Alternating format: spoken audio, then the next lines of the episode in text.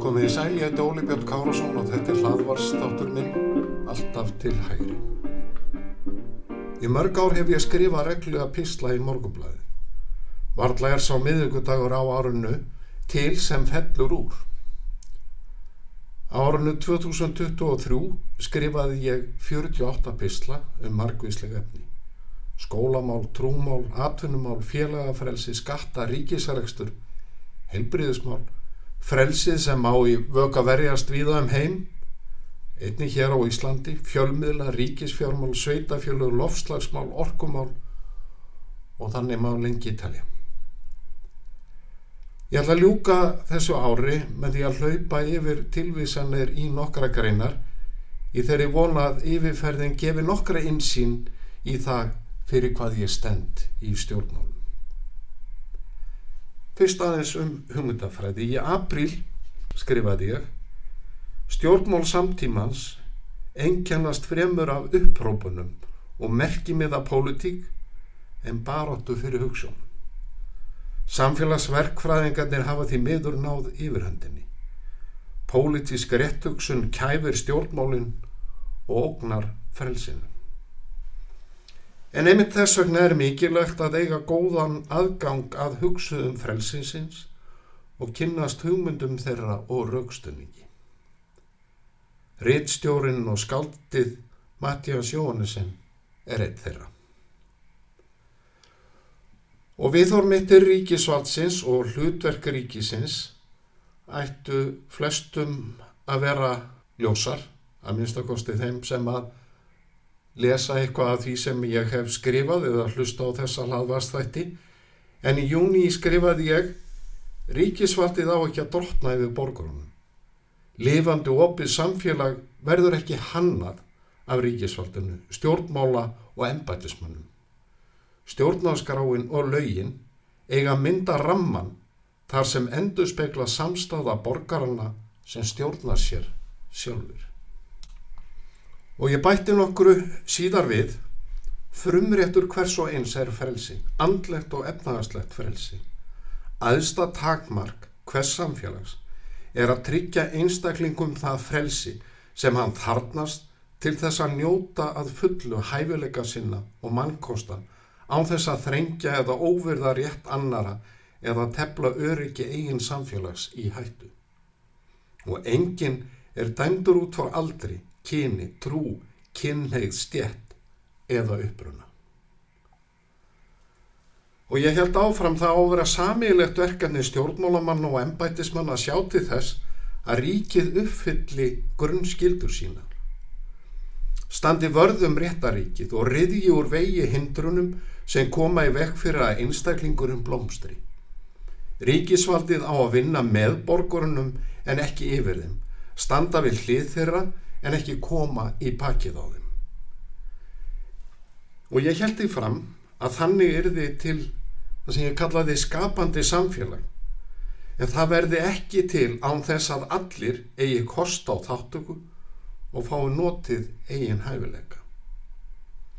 Styrkleiki samfélagsins verður aldrei meiri en möguleikar einstaklingana til að komað lausnverkefna og samihenlegra vandamála. Ríkisvaldið er aðeins verkværi borgarina. Sem sagt í nótskurð er það sem ég var að reyna að segja skapandi samfélag það sem framtagsmaðurinn fær að njóta eigin dugnaðar skapandi listamæðurinn blómstrar einstaklingurinn fær að vera hann sjálfur er samfélag sem byggist á grunnstefi sjálfstæði stefnunar skapandi samfélag frelsis. Og mánuði síðar benti á gott dæmi um afrækstur skapandi samfélags og hvernig stefna sjálfstæðisflokksins í nýskupunamálum hefur borið ávöxt. Guðmundur Fertran og starfsfólk Keresis mega svo sannarlega vara stolt af ævintýrunu á Ísafyrði sem heldur áfram. Við hinn eigum að samkynniðast. En einu sinni fáið staðfestingu á því hversu mikilvægt það er að umhverfi frumkvöðlu og sprótafyrirtækja sést þannig að ítt sé undir og stutt við framtagsemi á öllum sviðum atvinnulífsins. Frumkvöðl og hugssjónamaður hefur náða búa til ótrúleg verðmætti úr engu með hugviti og dugnaði. Það eru einstaklingar eins og guðmundur og starfsmenn keresis sem byggja undir velsælt Íslands samfélags, styrkja mannlífið og velferðarsamfélagið fáið þeir tækjafæri til þess. Sem betur fer eigum við fleiri eins og guðmund tvertan. Það er hlutverk okkar sem er í stjórnmálum að tryggja að þeir fái að njóta sín. Og í svona upprifun og þá er hlaupið úr einu í annað en ég hef reglulega fjallað um fjölmil og þó veiku stöðu sem sjálfstæðir fjölmilar eru í. Ríkisútvarpið nýtur lögvendara yfirburða. Ég hef stundur kallað ríkisútvarpið fílinn sem allt brítur í búðinni. Í júni skrifaði ég en samkjöfnin er ekki aðeins á sviðu auglýsinga heldur má ríkið ekki sjá neitt reyfast.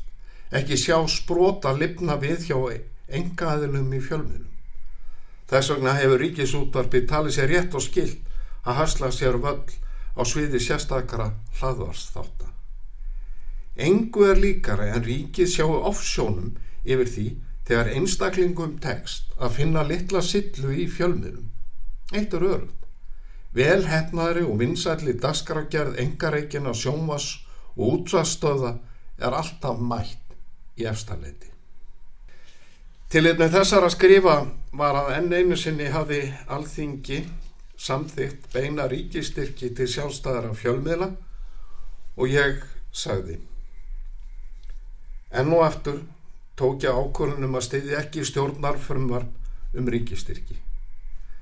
En það skal viðurkjent að ég hef staðið frammi fyrir valþrang.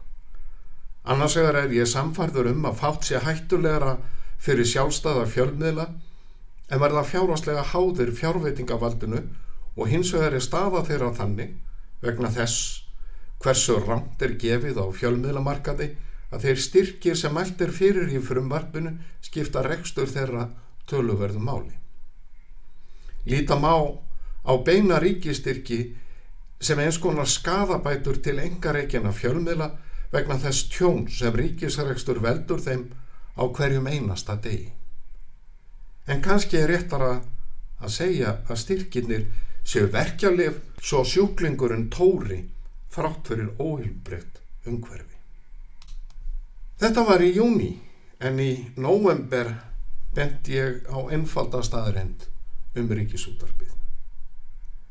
Ríkismiðil sem fjármagnaður er með lögþvingun einstaklingu og fyrirtækja er fjölmiðl sem lítur ekki agavaldi áskrifanda, lesanda, áhóranda og hlustanda. Ólíkt sjálfstæðum miðlum.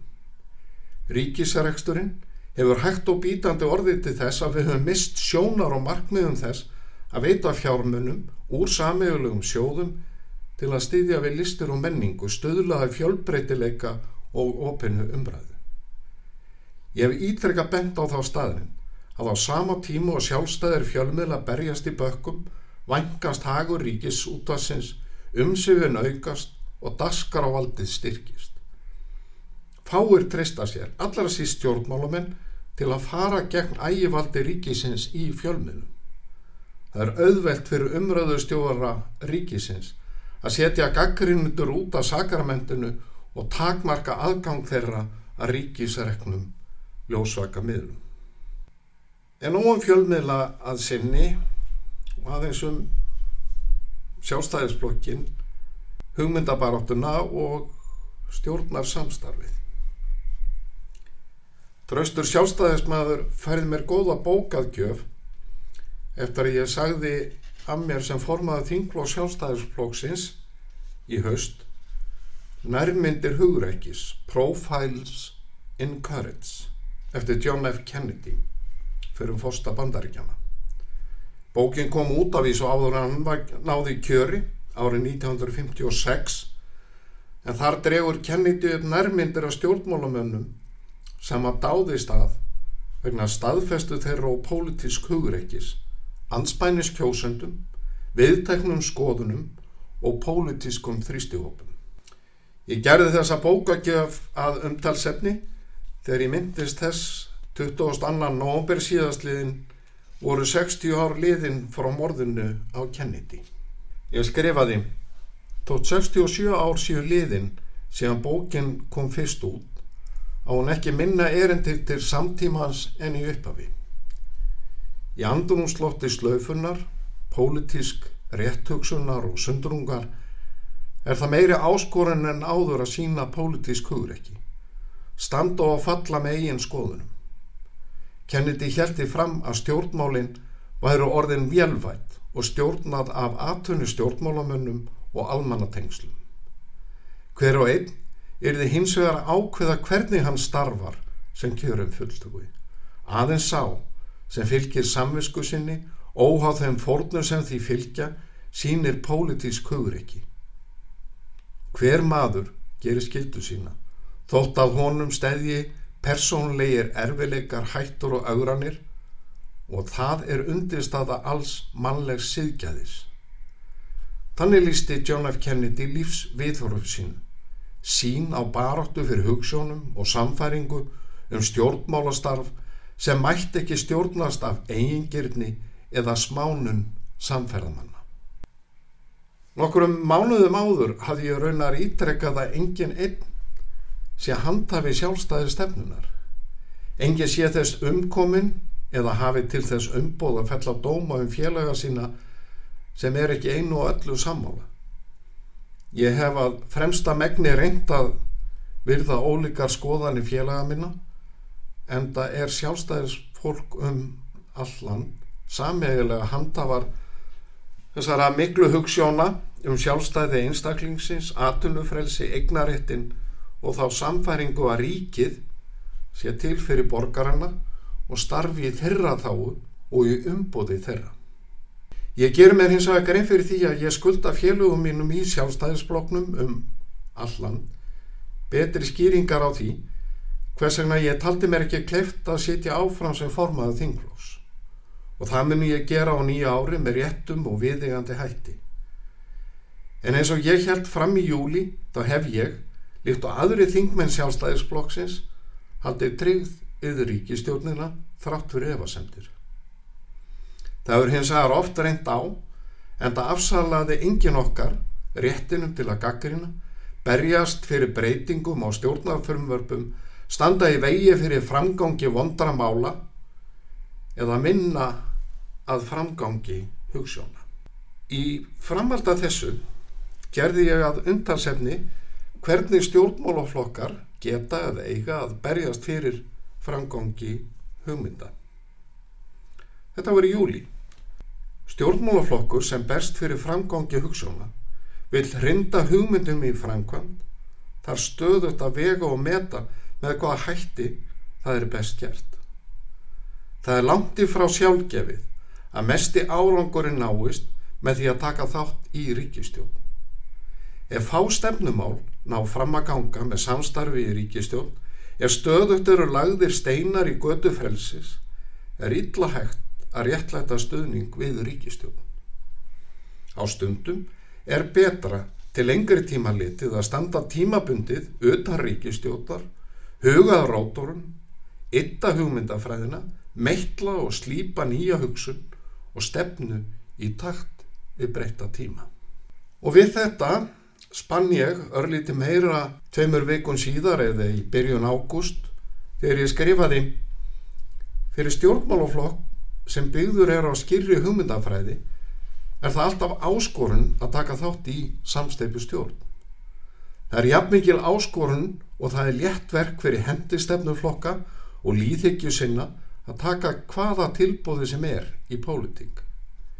Eitt skal játað að við sjálfstæðismenn höfum nú skaman að því hver anstæðingum okkar gengur illa að skilja hvernig samkjafni hugmynda og hörð skoðanaskipti leysa úr læðingi pólitískan kraft sjálfstæðisflokksins. En vissulega hafa samkjöfnin og átökin um málefnin verið þeim ofviða sem geta ekki komið til móts við anstað sjónamið. Þeir hinnur sömu eru mjög uppteknir af sínum gamla flokki. Markmið sjálfstæðisflokksins er að vinnað framgangi hugssjóna og hafa áhrif á framtíð samfélagsins. Hugssjónum er erfitt að hrinda í frangvænt án þáttöku í samsteipuríkistjón en það hafa kjósendur aldrei veitt stjórnmálaflokki umbóð sem dugar til að mynda meiri hlutastjórn eins flokks. Einmitt þess vegna höfum við sjálfstæðismenn þurft að rækja hæfileikan til að koma til móts við anstað sjónamið án þess að missa sjónar á okkar eigin hugssjónum. Forsenda fyrir árangur í samstarfi við aðra flokka í ríkistjórn er að hafa burði til að gera málamiðlanir. Sá sem ekki getur gert málamiðlun án þess að missa sjónar á hugssjónum er dæmdur til áhrif og leysis en málamiðlun er aldrei gerð án samfæringar um að þrátt fyrir allt tókist baráttumálinn hægt og bítandi áfram. Annars er illa hægt að réttlæta málamiðlanir eða þáttöku í ríkistjón. Kæru hlustendur, nýtt ár býður okkar allara og verkefnin eru fjölmörg. Að sviði stjórnmálana verður öruglega ekki lokmálla og mun reyna á þólurif stjórnarþingmanna úr öllum stjórnarflokkunum þremur. Það hefur alltaf leiði fyrir að hugmyndafræðileg gjá er á milli vinstri græna og sjálfstæðisflokksins og það hefur verið nokkuð pólitíst afreg að halda ríkistjótt þessara flokka og framsóknarflokksins saman í rúm 6 ár. Það skal játað að vantrúin og skinnsemi þess að halda samstarfuna áfram fer vaksandi innan sjálfstæðisflokksins Í aðdananda flokksórásfundar undir lok ágúr síðastliðin skrifaði ég meðal annars. Sjálfstæðispólk sem best fyrir atvinnufrelsi og vil tryggja að stjórnsísla sé sangvað lögum og að stjórnvöld gæti sangirninga hvert einstaklingum og fyrirtækjum getur illa setið þögult. Tröst verður aldrei byggt á þögninni og þögnin auðveldar ekki að leysa brín verkefni og nokkru síðar. Fyrst og síðast verður sjálfstæðispólk um alland að skinja að þeir ríkistjótt séu þingmenn og ráðarar trúir grunn hugssjónum, að haldi verði áfram að berjast fyrir því að hver og einn fá að vera eins og hann er, að allir hafi frelsi til að haga lífi sinu eins og þeir kjósa án þess að ganga og rétt annara, að staði sé vörður um aðtapna frelsi einstaklinga, aðtunufrelsi sé órjúmalugur hluti af frjálsu samfélagi. Að framtagsemi einstaklinga sé ekki brotin niður af hennu ofinbera með þungum álugum, floknum reglum eða bytni samkjefni. Ég óttast að samfæringin um að baráttumálinn þókist þráttur allt hægt og bítandi áfram í núvarendi ríkistjórn sé lítil meðal félaga minna í sjálfstæðisfloknum þegar nýju ári er fagnat.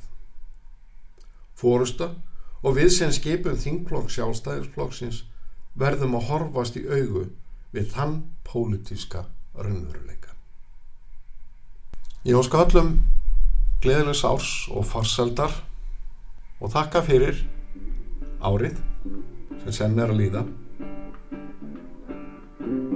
í góða stundir.